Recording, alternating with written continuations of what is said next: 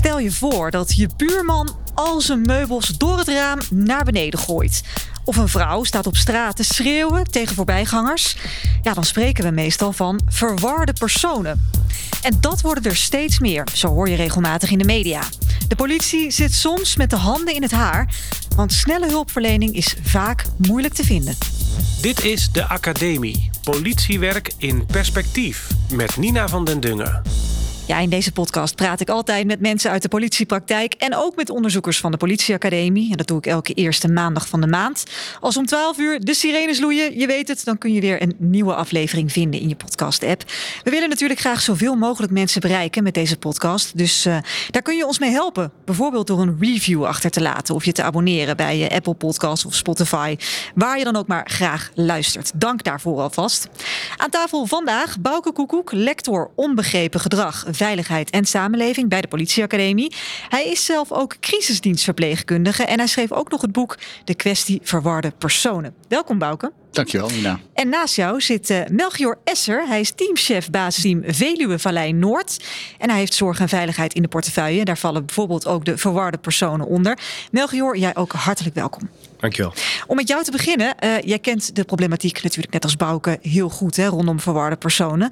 Geef eens een voorbeeld van een casus waar jij en jouw collega's zo al mee te maken krijgen. Ja, kijk, er zijn tal van voorbeelden te geven. Kijk, een casus waar ik sowieso uh, onlangs nog mee te maken kreeg was van een vrouw. Ik noem maar even hier Miranda. Uh, alleenstaande vrouw. Uh, die ja, eigenlijk de afgelopen maand alleen al tien meldingen heeft gedaan bij de politie. Omdat de man continu in de nachtelijke uren aan het schreeuwen was. Aan het bonken was met zijn hoofd tegen de muren. Haar man of haar buurman? Nee, haar buurman. Oh. En ja, dat, dat, als je kijkt naar het hele incidentenpatroon. Dan zijn 55 meldingen geweest de afgelopen twee jaar.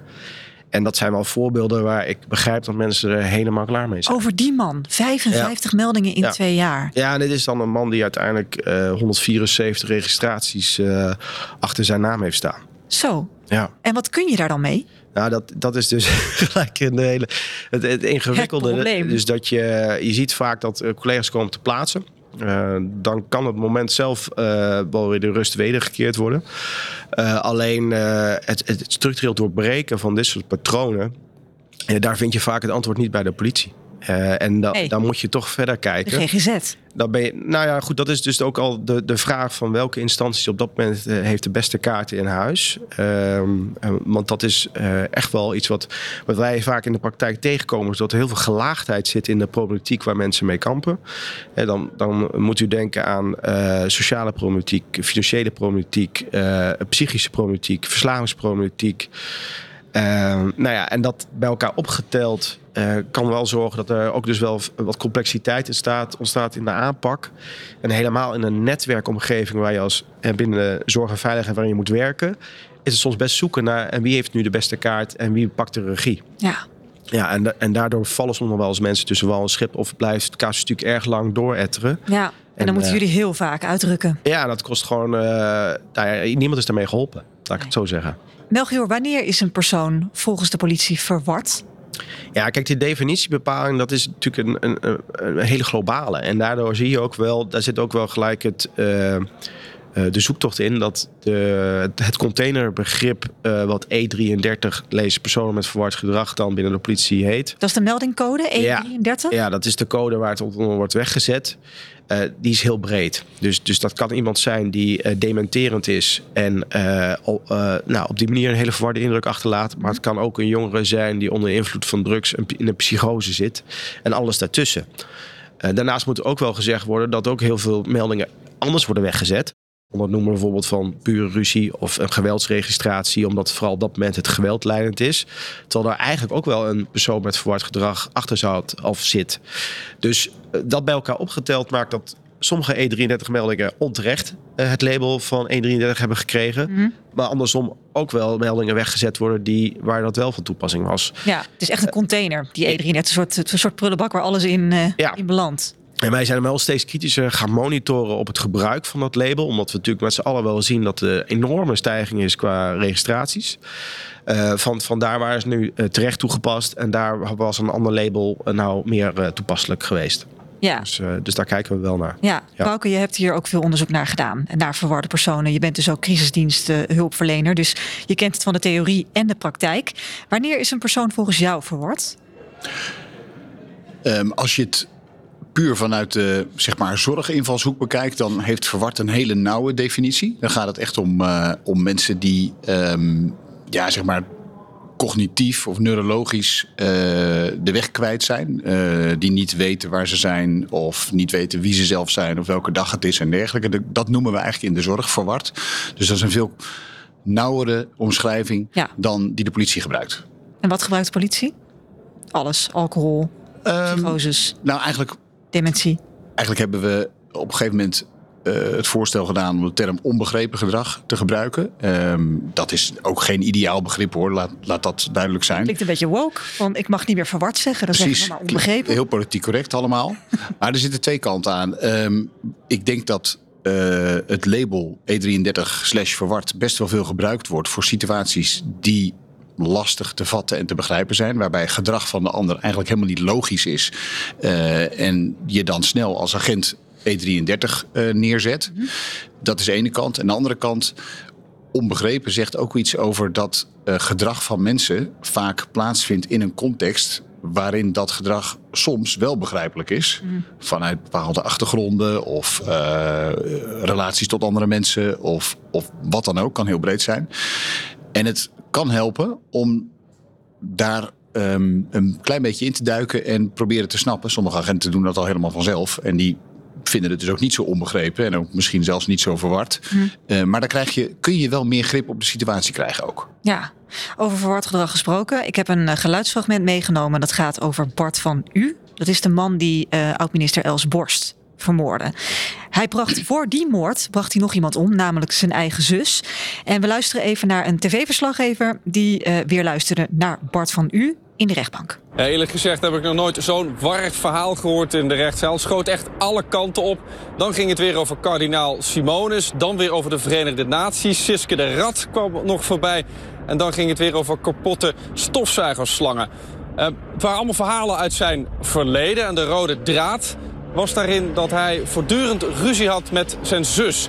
Zijn zus zou op de dag van de moord eierkoeken voor hem hebben meegebracht... terwijl ze toch, zei hij, had moeten weten dat hij die niet lustte. Ja, dat zei verslaggever uh, Jeroen Wessels in het RTL Nieuws. Dat was halverwege 2015. Bouke, is dit dan inderdaad eigenlijk voor jou de definitie van verward gedrag? Iemand die totale onzin uitkraamt? Nee, Um, die, wat ik net bedoelde, uh, gaat dus echt om mensen die uh, in de war zijn rondom um, uh, waar ze zijn, wie ze zijn en dergelijke. Het verhaal van Bart van U, ja, ik weet ook wel wat meer van de achtergrond, klinkt meer als iemand die eigenlijk de grip op de realiteit kwijt is. En allerlei um, gebeurtenissen, denkbeeldige gebeurtenissen, gebeurtenissen bij andere mensen, allemaal op één hoop gooit en in zijn eigen hoofd op zichzelf betrekt. Um, dat noemen we dan in mijn vakgebied uh, psychotisch. Um, maar dat is dus een soort van verbijzondering van uh, afwijkend uh, gedrag, waarbij deze man dan helaas ook vaak onder, weer onder druk van omstandigheden. Hoe suf het ook klinkt, blijkbaar waren die eierkoeken waren een aanleiding om Ze net, te doden. Ja, net over de grens te gaan. Oh, net. Uh, nee, ik bedoel, dus, die waren dus net te veel. Ja. Uh, was net te veel om die grens over te gaan. Hoe dat allemaal precies in elkaar steekt, dat weten we natuurlijk niet. Maar uh, al met al iemand die, die, die al heel langdurig met deze problemen zit. En uh, ja, helaas tot geweld geneigd is. En uh, dus onze oud-minister uh, vermoord heeft. Ja. Nou ja, dat is dus eigenlijk meteen al een, een, kern van het probleem. Wat is nou dat verwarde gedrag? Die meldingen, Melchior, die komen natuurlijk vaak bij de politie binnen. Ja. ja. terwijl ja, jullie zijn er niet voor opgeleid. Niet primair. Kijk, een van onze kerntaken is natuurlijk wel hulp verlenen aan hen die dat behoeven. Dus dat is natuurlijk een brede, brede taak. Uh, alleen wat je merkt, en dat, dat, dat, dat, dat hoor je ook eigenlijk al hier uh, rest van mij, mijn buurman zeggen, is dat uh, de complexiteit die dit vraagstuk zich meeneemt, ja, dat kun je niet altijd verwachten van de politiecollega op straat, dat die precies weet wat er nou aan de hand is, wat de context is en welke hulpvraag iemand echt specifiek nodig heeft. Of heeft en daarmee ook welke hulp iemand nodig heeft. En die zoektocht die is wel heel voelbaar op, op, op straat. En dat uh, collega's op straat bij een, een, melding terechtkomen, eigenlijk zelf ook niet goed weten wat mensen er maar aan moeten. Nee. Ja, en als je dan vervolgens in een. Uh, in een, uh, in een situatie terechtkomt dat er eigenlijk ook de hulpinstanties ook zeggen van ja, deze is niet voor ons. En met alle goede redenen, want iedereen werkt keihard. Hè, dus, maar goed, dan, dan merk je wel dat vervolgens collega's op straat met zo'n iemand blijven zitten. En dat kost veel energie, veel tijd. Meldingsdrukken bij ons echt heel erg hoog. Dus als je vervolgens collega's anderhalf uur, twee uur ziet worstelen om, om, om eigenlijk opvolging te organiseren die vervolgens uitblijft. Mm.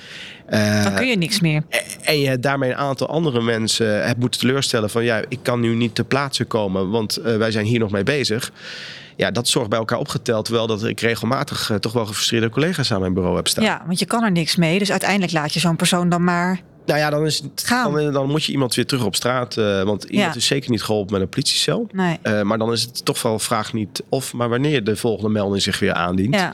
En dan begint het, begint het weer opnieuw. Nou, bij het voorbereiden van deze aflevering kwam ik op Twitter, en, uh, heel recent, een, een hele interessante casus tegen. Dat was een twitteraar, die heet Jeroen.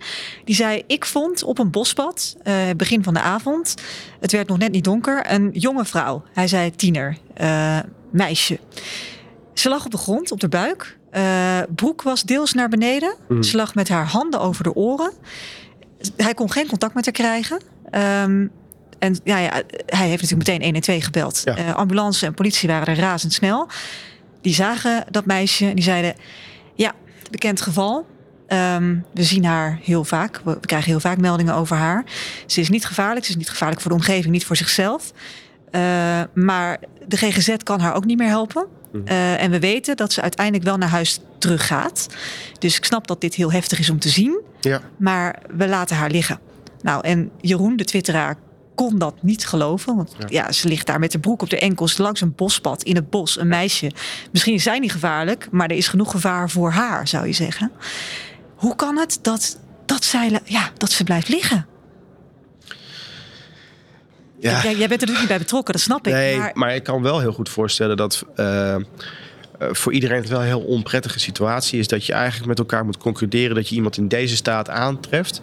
En toch moet zeggen, we kunnen niks voor iemand betekenen. Ik geloof dat niemand daar uh, gelukkig van wordt nee. als moment tot zo'n conclusie moet komen. Maar als iemand inderdaad zoveel behandeling al heeft gehad, dat er zoveel is geprobeerd en uh, uiteindelijk toch ja, elke keer weer resulteert dat, dat dit soort situaties zich voordoen ja, dan kan het zijn dat op een gegeven moment mensen zeggen van ja, uh, uh, uh, iemand is uitbehandeld. We hebben niet verder iets anders in ons repertoire om deze te helpen. We geven Hoe, het op. Eigenlijk is dat. Ja, en dat is natuurlijk best wel een lastige boodschap in een, in een tijd waar we toch wel altijd wel verwachten dat we toch oplossingen met elkaar kunnen vinden. Als je dan iemand moet zeggen, ja, we moeten eigenlijk accepteren dat dit, dat dit helaas ook gebeurt. Bouk, ik zie jou even met je hoofd schudden. Nou, ik vind dat Melchior helemaal gelijk heeft in wat hij zegt. Uh, jij zegt van, uh, ja, dan geef je iemand op. Dat weet ik niet of dat zo is.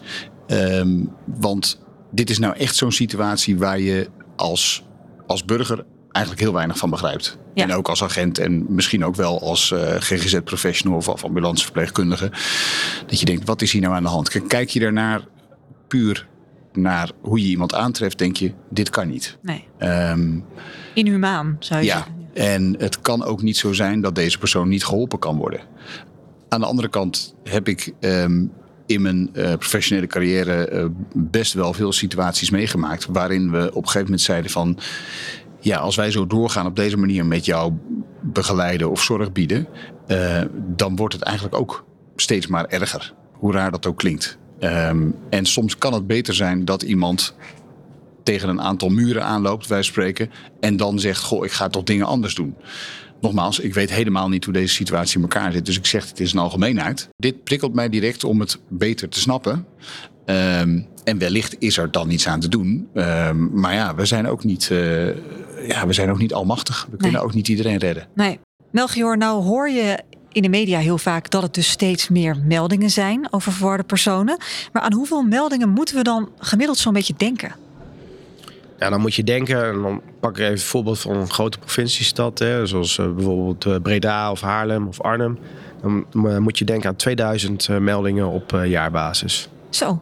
Dus als ik dat heel, heel snel even deel, dan kom je gewoon aan, aan ruim vijf mensen per dag. Ja, nee, daar lopen wij dus als politie ook echt tegenaan. Dat het eh, een dagtaak is. En daarmee dus ook heel erg belastend is voor ons als politie. Bellen, bellen wij burgers, bellen we te snel? Zijn, kunnen we niks meer hebben? Eh, Kijk, het is best lastig om daar conclusies over te trekken. Kijk, het enige wat ik wel zie is dat er dus heel veel, bijna 100.000 registraties bij zijn gekomen. En daar kan je aan de ene kant kijken van, goh, hoe, is, hoe zijn onze registraties? Wat hebben wij zelf eh, anders dan gedaan? Ja, en dan kunnen er ook heel veel over één persoon gaan. Hè, hoor Ja, ja, zeker. zeker. Ehm, eh, er wordt wel eens gezegd dat, eh, zeg maar, van die, eh, van die eh, nou noemen we het 130.000 eh, eh, meldingen, dat, dat 20% van de mensen daar verantwoordelijk voor is. Ja. Dus dat je ziet dat er een kleine groep is die verantwoordelijk is voor een groot deel van de meldingen. Dus, maar goed, als je dan gaat kijken naar de vraag daarachter van en waar, hoe komt dat nou? Ja, dat, dat is denk ik een prachtige onderzoeksvraag. Want we hebben allerlei factoren die daar mogelijk van invloed op zijn. Ja. Maar ik durf Maar jij hebt een theorie erover. Hoe komt het dat het aantal meldingen stijgt? nou, jij hebt een theorie erover. Ja, ja, er zijn denk ik een paar grote bewegingen gaan die mogelijk van invloed zijn. Maar ik zou daar wel heel voorzichtig in willen zijn. Om nogmaals, ik heb zelf eh, niet, geen onderzoek naar gedaan. Eh, dus dit is puur van wat ik dan aantref op basis van ervaring. Is dat je merkt dat er eh, natuurlijk de zorg staat enorm onder druk. En eh, daardoor zie je ook dat er meer zelfredzaamheid wordt gevraagd van mensen zelf om aan de slag te gaan met de problemen waar ze mee kampen. En daardoor ook de zorg thuis krijgen. Alleen het lukt niet al die mensen om eh, ook eh, ja, eh, zelfredzaam te zijn. En dat resulteert weer in, in meldingen. Dus ehm, ik denk dat dat wel van invloed zou kunnen zijn. Ja, Nou, daarnaast heb je bijvoorbeeld eh, natuurlijk wel ook een zekere mate van individualisering, waar we al, lang, eh, al heel lang als samenleving mee te maken hebben. Dat ja, als jij zorgen hebt en, en ook psychische klachten hebt en je kunt dat niet ventileren omdat er eh, weinig mensen om je heen zijn waarmee je dat kan delen, dat dat ook wel makkelijker kan zorg dragen dat mensen in, in hun bovenkamer zeg maar wat meer de weg kwijtraken. ja, geen sociaal vangnet. Ja, kijk, als dat sociale vaknet ook al wel scherpe randjes bij iemand eraf kan halen, kan dat ook al zorgen dat er minder meldingen ontstaan. Dus eh, ja, het wordt ook wel gezegd, het, het, het, het tempo van de maatschappij is echt wel heel erg fors. Hè? Dus dat, dat je ziet eh, wat vandaag, vandaag de dag allemaal van je verwacht wordt. eh, prestatiedruk, sociale druk, nou, technologie die ook continu voor allerlei prikkels kan zorgen. Ja, Draai je sneller door. nou ja, dat zijn allemaal factoren die kunnen zorgen dat mensen wellicht sneller overprikkeld raken. Ja. Maar goed, dat zijn hele grote bewegingen. En ik wil daar ook dus heel terughoudend in zijn om te zeggen van nou, dat is het. Ja. ik, ik zie alleen wel dat, dat eh, Dit Ja. helpt niet. Dat je, eh, ook onder jongeren, dat je merkt hè, het aantal suicides, eh, mensen die ook burn-out klachten hebben. eh, het zijn allemaal wel tekenen waar je merkt van hé, hey, het is blijkbaar wel een Ja. ingewikkelde tijd voor veel mensen. Ja, Bouke, ik kijk jou als onderzoeker natuurlijk ook aan. Eh, eh, wat, wat, wat, hoe sluit jij aan op die theorie van Melchior? Is dit, is dit het, eh, inderdaad hè, minder bedden in de GGZ? Je, je moet het meer zelf fixen. En dan toch ook nog inderdaad dat sociale vangnet? Ik heb zelf onderzoek gedaan naar de verhouding tussen het aantal bedden in regio's en het aantal meldingen. Nou, daar blijkt dat verband zeker niet één op één te zijn. Dat valt eigenlijk eh, heel erg mee. Ehm, maar ik kan wel meegaan in wat jij zegt, Melchior. Want we, hebben, we hebben volgens mij te maken met ehm, best, wel mens, best wel veel mensen die het maar, maar net aan of net niet redden in de samenleving. En dan gaat het vooral ook om het organiseren van hun eigen leven. Hè, eh, op tijd je rekeningen betalen, eten, drinken. eh, een beetje fatsoenlijk omgaan met de mensen om je heen. Je buren bijvoorbeeld. eh, je huis een beetje verzorgen zonder dat daar gelijk allerlei viezigheid of wat dan ook ontstaat. Ehm, dat is voor best veel mensen moeilijk. Ehm, van die mensen vragen we meer. Eh, die, die, die worden minder, denk ik, dan vroeger opgevangen in allerlei instellingen. Niet alleen de GGZ, maar ook andere zorginstellingen geldt dat. En die andere ontwikkeling van een samenleving die echt een veel hoger tempo heeft. Ik zeg wel eens, kijk eens voor de grap een, een speelfilm uit de jaren 70 of 80 terug. En vergelijk die even met wat je nu ziet Ja. eh, in de bioscoop. Dat is een, echt een wereld van verschil. Ehm, natuurlijk passen mensen zich aan. Hè. Eh, de mens ontwikkelt zich altijd. Eh, dus mensen kunnen denk ik ook meer tempo aan.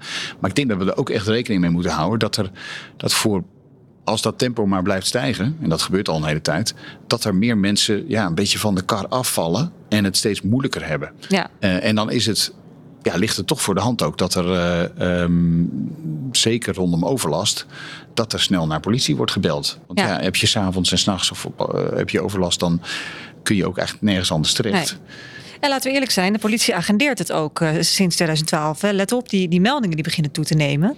Dus het wordt ook bekender. Het krijgt echt een beetje hè, uh, nou ja, reuring. En dat zie je ook in de politiek. Die zet het op de agenda. En tegelijkertijd, uh, jij zegt het is niet één op één te relateren aan het aantal bedden. Maar ja, het budget daalt wel. Dat kan niet, niet helpen in deze omstandigheden. Ja, het budget daalt niet. Nee? Nee. nee. Waar zit het hem dan in? Ja, het, zit, het zit hem erin. Nou ja, hebben? We hebben in Nederland eigenlijk geen bezuinigingen op de zorg. Het budget stijgt jaarlijks. Um, wat er wel gebeurt is dat we, denk ik, in de zorg um, het ook steeds ingewikkelder organiseren, helaas. Dat er steeds meer mensen op verschillende vlakken um, actief zijn in steeds specialistischer gebiedjes. En dat er dan weer andere mensen nodig zijn om te zorgen dat, dat al die specialistische gebiedjes worden samengebracht ja. onder een functie regisseur en dit en dat. Ja. En zo krijg je en de verschuiving naar de gemeente? Ja, um, daarbij, uh, dat wil niet zeggen dat dat dan opeens um, veel slechter geworden is, maar dat er, daar zijn wel een aantal veranderingen geweest. Um, deels hebben, zijn er nieuwe aanbieders gekomen. Sommigen doen dat heel erg goed. Sommigen, dat zul jij misschien ook herkennen, bieden hele matige zorg aan, uh, aan kwetsbare mensen. Maar ik denk dat we uiteindelijk in de zorg, er gaat, er gaat nog steeds heel veel geld naar de zorg. Maar ik vrees dat we het te ver doorgespecialiseerd en doorge. Ja, dat is te veel vakje, vakjes. muur, vakjes zeg ja, veel, te veel vakjes zijn gekomen, waardoor het zeker voor uh, agenten die echt een basisfunctie hebben heel erg moeilijk is ook om de weg te vinden in dat doolhof van met, met deze persoon. Waar moet ik dan precies heen? En op welke muur stuit ik dan? Want die voldoet net niet precies aan dit of net niet precies dat. Nou, dan moet hij bij die zijn. Ja, maar die is niet meer bereikbaar, et cetera, et cetera. Dat geldt voor burgers, maar ook voor agenten. Ja. En dat vind ik... Ja, ik, ik kan me zeer goed, Wout. ja, en ik kan me zeer goed voorstellen dat ze daar heel gefrustreerd over raken. Ja. Een jaar of zeven tot acht geleden begon de politie dit probleem dus echt te agenderen. Dat zei ik net al. Uh, ik heb daar ook een fragment over meegenomen uit het NOS Radio 1 journaal van februari 2015. Dat is dan een verward persoon waar de politie er de afgelopen jaren steeds meer van heeft. In 2011 40.000, 2012 44.000, 2013 52.000. En de nieuwste cijfers zijn nog niet bekend, maar het worden er steeds meer. Ja, dit was in 2014, hè, waar, waar ze het over heeft. En het fragment was in 2015. Melchior, we zitten nu acht jaar later. Is er iets veranderd? Nou, de stijging heeft zeker uh, doorgezet. Hè? Dus uh, inmiddels inderdaad op 136. Dus uh, dat, heeft, dat is niet echt veranderd. ja, waar ik naar op zoek ben is met name... en dat is een grote opgave voor denk ik heel veel organisaties... Van hoe organiseren we nu met elkaar meer wendbaarheid? En ik denk dat we daar nog steeds zoekend in zijn van hoe we dat met elkaar organiseren. En dat is denk ik, als ik kijk naar dit fragment hè, met die stijging die toen uh, zichtbaar was, die is nog steeds zichtbaar. En uh, dus wat dat betreft is er gewoon weinig veranderd. Dat is wel een treurige conclusie eigenlijk. Nou ja, het, doet denk ik, het laat misschien ook wel zien dat het dus een complex vraagstuk is.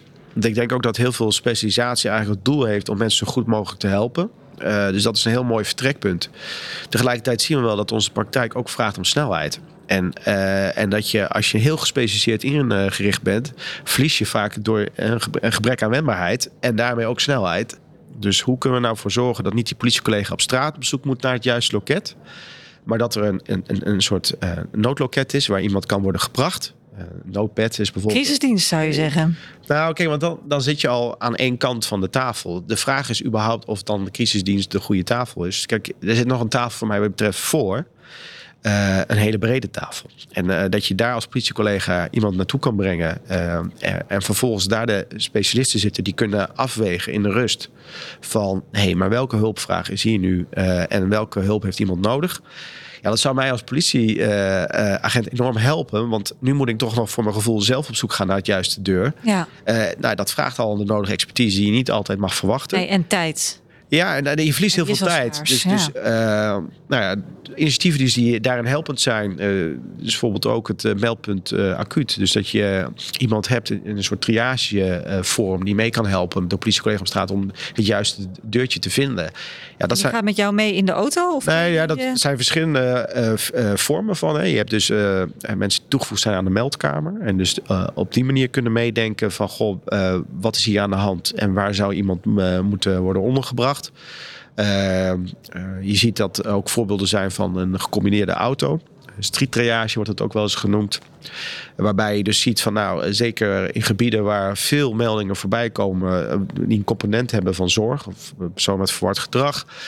Uh, dan kan het zijn dat je zegt van nou, we gaan een gecombineerde auto organiseren waarbij zowel een politieagent zit, maar als iemand vanuit het zorgveld. En dat je op die manier ook, wat je vaak in de praktijk ziet, is dat iemand binnen de zorg weet ook beter de weg binnen de zorg. Mm. want die, die spreekt de taal, die heeft ook het netwerk uh, nog beter in zicht. Uh, en kan mij daarbij ook vaak wat meer snelheid genereren om bij, het juiste, bij de juiste deur te komen. Ja. Pauke, is dit inderdaad een, misschien wel een oplossing? Dat je veel meer mensen bij elkaar gaat zetten om meteen een triage te doen, meteen een, misschien wel een labeltje erop kan plakken. Wat ook weer gevaren met zich meebrengt, kan ik me voorstellen. Ja, nou ja, ik, ik heb zelf, um, ik werk in een regio waar we een tijd lang dus een triagist op de 112 meldkamer hebben gehad. Uh, ik heb er zelf ook een aantal diensten meegedraaid, wat onderzoek naar gedaan. Um, we waren daar eigenlijk best wel heel tevreden mee. Het was goed voor de samenwerking, het was goed voor de snelheid. En we konden eigenlijk situaties zeg maar deescaleren. Dus uh, nou, politie krijgt een telefoontje binnen, kan rechtstreeks overleggen met een zorgprofessional die daar in de uh, in de meldkamer zit. En kan bijvoorbeeld horen, oh, die persoon heeft morgen weer een afspraak bij, uh, bij zijn vaste hulpverlener. Nou, dan kan ik dat even terugkoppelen. Of die triagist nam het telefoontje over en zei bijvoorbeeld, nou, doet u dat nou even zo en zo. Die kon dat bijvoorbeeld uit het dossier terugvinden. Geeft dan een advies, waardoor er geen auto hoeft te rijden. Dus je kijkt naar hoe je kan reageren op meldingen, is denk ik die directere samenwerking en vooral ook slim. Um, slimme samenwerking kan heel goed werken. Ja. We hebben um, triage ook een mooi voorbeeld waar eerder mee geëxperimenteerd is in een regio waar er eigenlijk te weinig serieuze situaties waren voor uh, de zware bezetting van twee mensen op een auto. Waar was dat? Dat was volgens mij omgeving Deventer. En dat is daar um, gestopt. Ja. Het is later in Twente weer voortgezet, waar het wel goed werkte. Het is waar de, het is waar de capaciteit of de vraag klopte mm-hmm. met, het, uh, met het aanbod, zeg maar. Uh, maar het kan ook zijn dat je in bepaalde regio's bijvoorbeeld zo'n triagist op de meldkamer hebt, omdat er te weinig per se samen ergens op afgegaan hoeft te worden. Maar er wel misschien heel veel telefoontjes zijn die op zo'n manier makkelijk en laagdrempelig kunnen worden beantwoord. Ja. Dus dat zijn volgens mij slimme manieren om het te doen. Um, het zit natuurlijk wel op het niveau van reageren op. He, onze ja. eerdere kwestie van de vele, de vele belletjes of de vele situaties die ontstaan en de preventie daarvan. Ja, daar raken we hiermee nog niet aan. Maar dit zou ook al heel waardevol zijn. Want ik, nou ja, ik heb zelf gezien in Arnhem hoe goed dat werkt om, uh, ja, om politie daarmee te ontlasten. Ja. Maar ook naar de burger vaak betere, snellere, gerichtere service te kunnen bieden. Ja. Omdat je er dichterop zit. Maar er is natuurlijk ook een andere kant. Want hier heb je het dan over een hele slimme en, en efficiënte en goede samenwerking tussen politie en hulpverlening. Dan gaat het ook wel eens anders, Melchior, natuurlijk. Nou ja, je ziet dat wederzijds begrip ontstaat vaak als je elkaar leert kennen. En uh, uh, als je elkaar niet goed kent of niet goed uh, iemands handelswijze kent, of definitiekader of begrippenkader of afwegingskader, ja, dan zie je nog wel eens dat mensen met vooroordelen uh, vertrekken. En uh, ja, die zijn niet altijd positief. Nee, en waar leidt het dan toe? Nou ja, dat kan zorgen tot de nodige frustratie over en weer. En dat zorgt uiteindelijk dus tot verwijdering in die samenwerking. En, uh, Want zij krijgen het idee dat jullie iemand bij hen over de schutting proberen te gooien, of, of andersom? Ja, bijvoorbeeld. En, en ja, weet je, mijn beeld is dat iedereen keihard voor werkt. Alleen uh, als iedereen onder druk staat, dan zie je nog wel eens de uh, gedraging natuurlijkerwijs ontstaan. Dat mensen toch kijken van hoe kan ik ook voor zorgen dat ik deze niet ook nog op mijn bordje krijg. Ja. En dat is niet, uh, ja, dat is ook een stuk de verdedigingsmechanisme die dan voorbij komt. Ja, en als daar een ander dan totaal mee oneens is, ja, dan zie je dat er wel de nodige emoties uh, op tafel komen. Ja. En eigenlijk moet je de, wat jij ook zegt, hè, dat als mensen elkaar kennen, mensen in de uitvoering, dus in de operationele uitvoering, denk aan, uh, uh, aan de noodhulpagenten, denk aan bijvoorbeeld crisisdienstmedewerkers of medewerkers van andere zorginstellingen die, uh, die vlot moeten handelen. Als die mensen elkaar kennen, op de meldkamer is dat dan heel concreet. Je gebruikt dezelfde magnetron waar je s'avonds je eten opwarmt. Ja. En je spreekt elkaar eventjes. En je hoort eens even van, goh, waar woon jij? En dit en dat. En uh, god, dat is ook eigenlijk een aardige vrouw of een aardige vent. Uh, dan ga je daar de volgende keer toch anders mee in contact of in discussie. We hebben natuurlijk eigenlijk een paar tegenstrijdige conclusies. Namelijk, um, uh, we zien samenwerking tussen hulpverlening en, en politie, wat goed gaat, wat werkt. Uh, zeker op een aantal vlakken in de meldkamer in een auto. Uh, en aan de andere kant zien we dus de meldingen die toch blijven stijgen. En dat met name ook de politie door een woud van zorginstanties moet om te kijken waar moeten we zijn met een verward persoon. Ik denk dat dat. Oh, sorry dat ik je onderbreek, maar dat, dat inderdaad de samenwerking gaat goed. Maar er zijn ook genoeg uitdagingen in die samenwerking, waardoor er genoeg frustraties over en weer kunnen ontstaan. Ja. Eh, dus het is en en. Ja, maar dan ben ik wel benieuwd, wat is jullie schrikbeeld nou? Want we kennen ook landen, ik noem maar even de Verenigde Staten, daar zie je ze letterlijk op straat liggen, verwarde personen die dakloos zijn geworden en waar eigenlijk iedereen aan voorbij loopt. Wat is het schrikbeeld voor Nederland als dit doorzet, eh Melchior? Nou, ik, ik, ik zou het wel ehm, heel pijnlijk vinden als inderdaad heel veel mensen eh, van de kar gaan afvallen. En, ehm, eh, want dat brengt weer allerlei nieuwe problemen met zich mee. Eh, dus ik, ik zou het wel. wij, wij pretenderen een politie voor iedereen te zijn. En ik hoop dat wij ook een samenleving kunnen zijn voor iedereen. En als dat op een gegeven moment niet meer gaat lukken, dan zie je wel een bepaalde verharding optreden. Ja, dat, daar word ik niet per, per definitie als mens zeg maar, blij van. Nee. Dan heb ik wel zoiets van: oké, dan wil ik wel graag beroep doen op een stukje soli- solidariteit. We toch ook kunnen kijken van hoe kunnen we eh, eh, deze mensen helpen.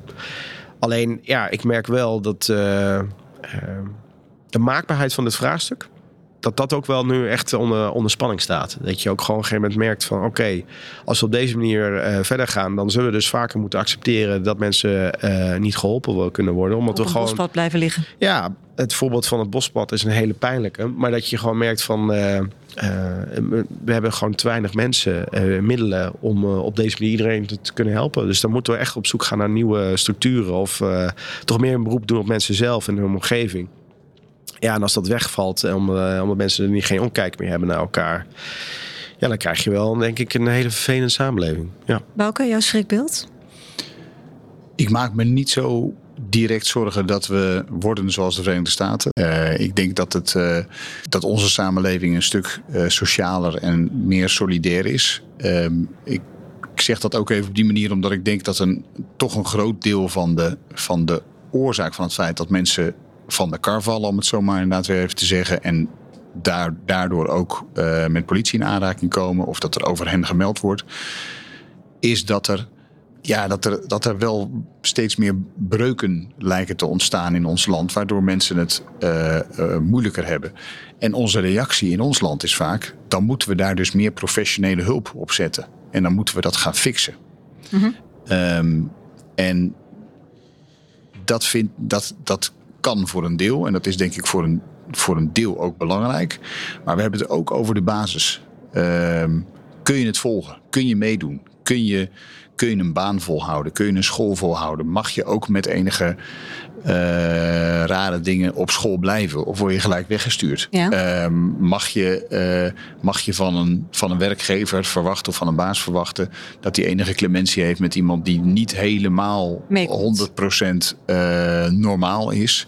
Ehm, Dus je zegt, we laten mensen misschien al te snel vallen, waardoor ze echt van het padje raken. Nou, wat ik zie is dat de mensen die het meest met politie in aanraking komen, dat zijn eigenlijk altijd mensen die de basis missen. Die hebben eh, eh, misschien nog wel een woning, eh, maar kunnen die niet betalen. Of die, en die hebben geen werk en die hebben geen vrienden en dergelijke dingen. Ehm, en natuurlijk heeft dat iets te maken met de problemen waar, waar zij zelf mee zitten. Maar vaak toch ook wel met het niet kunnen vinden van een plek in de samenleving waar je wel kan Nee. of mag zijn. En wat En- zou je dan moeten doen als, als, als je daarmee te maken krijgt? Dus eh, je, je woont ernaast, bij wijze van spreken, en je ziet dat iemand afglijdt. Is er dan volgens jou een, een, een verantwoordelijkheid, bijvoorbeeld voor mij, om voor die persoon te gaan zorgen? Nou, dus, dat is ingewikkeld. Want eh, zodra je in Nederland als burger iets gaat doen, loop je tegen allerlei professionele instanties aan. Die, eh, die al hun taken verdeeld hebben. Zeggen, nou, doet u dat nou maar niet. Ehm, ik zou dat zelf wel graag willen. Maar ik weet ook dat heel veel mensen gewoon ook een vol leven hebben. En daar niet zomaar naartoe komen. Maar ik denk wel dat we echt met elkaar uit die fuik moeten van... oké, als er mensen zijn met wie het niet goed gaat... en mensen die we zeg maar als, als samenleving ehm, van de kar afduwen dat er dan allemaal professionele hulpverleners of politiemensen of wie dan ook allemaal achteraan moeten rennen om al die mensen weer op te rapen en weer te fixen, terwijl die kar gewoon doorrijdt. Ja, dat wordt hem niet. Nee, maar hoe, hoe, moet het dan wel? Nou ja, we zien bij ons eh, een van de initiatieven waar we natuurlijk ook wel nu op inzetten is wijk GGZ. Dat is wel weer dus een hulpverleningsantwoord. Maar goed, eh, het is wel Zoiets als de wijkagent. Nou, kijk, een wijkagent is natuurlijk best wel een, een, een fenomeen in die zin dat mensen hebben er wel beeld bij. En, eh, en ik merk dat heel veel wijkagenten ook worden belast met eh, heel veel vragen waar eigenlijk dus de zorgcomponent achter zit. Een stevige zorgcomponent. En dan zou het wel fantastisch zijn als je eigenlijk ook op wijkniveau, of in ieder geval op gelijk niveau, een, een sparringpartner hebt die, uh, waarmee je samen kan optrekken en kan kijken van goh, deze, uh, deze dame heeft bijvoorbeeld echt een zorgvraag, pak jij deze? En ja. daar zie ik meer een strafrechtelijke component, die pak ik dan. Als je dat samenspel met elkaar kan organiseren, uh, dat, dat zou denk ik wel heel erg mooi zijn. En afhankelijk van de meldingsdichtheid, of je moet kijken naar een week GGZ-team, of dat je kan zeggen, nou, dit is een redelijk rustige uh, buurt, daar is het niet nodig, of op een veel grotere schaal, maar heb je aan één iemand genoeg? Ja, dat zijn allemaal vervolgvragen die je met elkaar op uh, per gemeente zou kunnen verkennen. Maar ik denk dat dat wel heel erg gaat helpen om in ieder geval de, de druk die er nu ook ligt op de politie, om die te verlichten.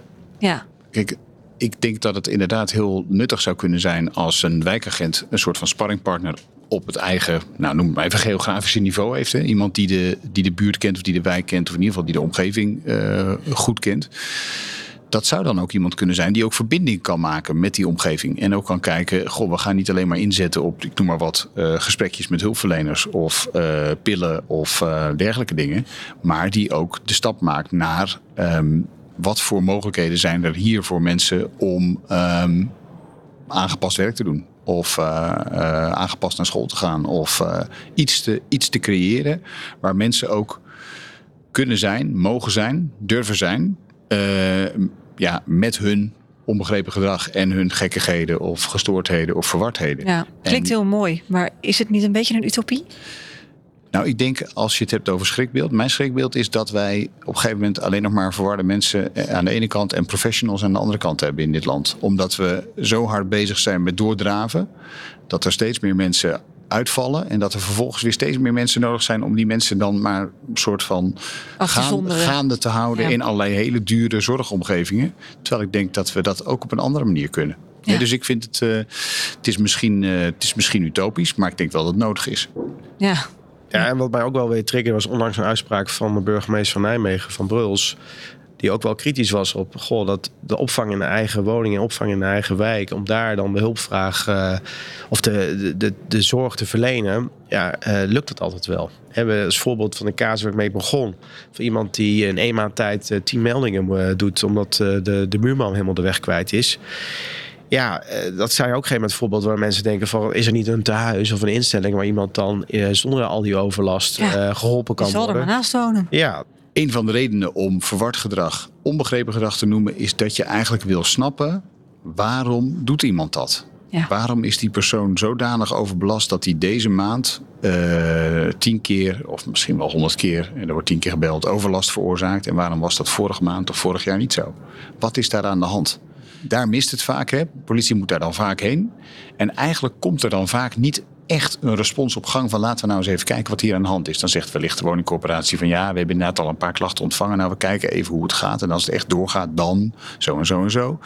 Maar dat je daar nou echt induikt, en dat zou bijvoorbeeld ook iemand in de wijk kunnen doen, die jij net noemde.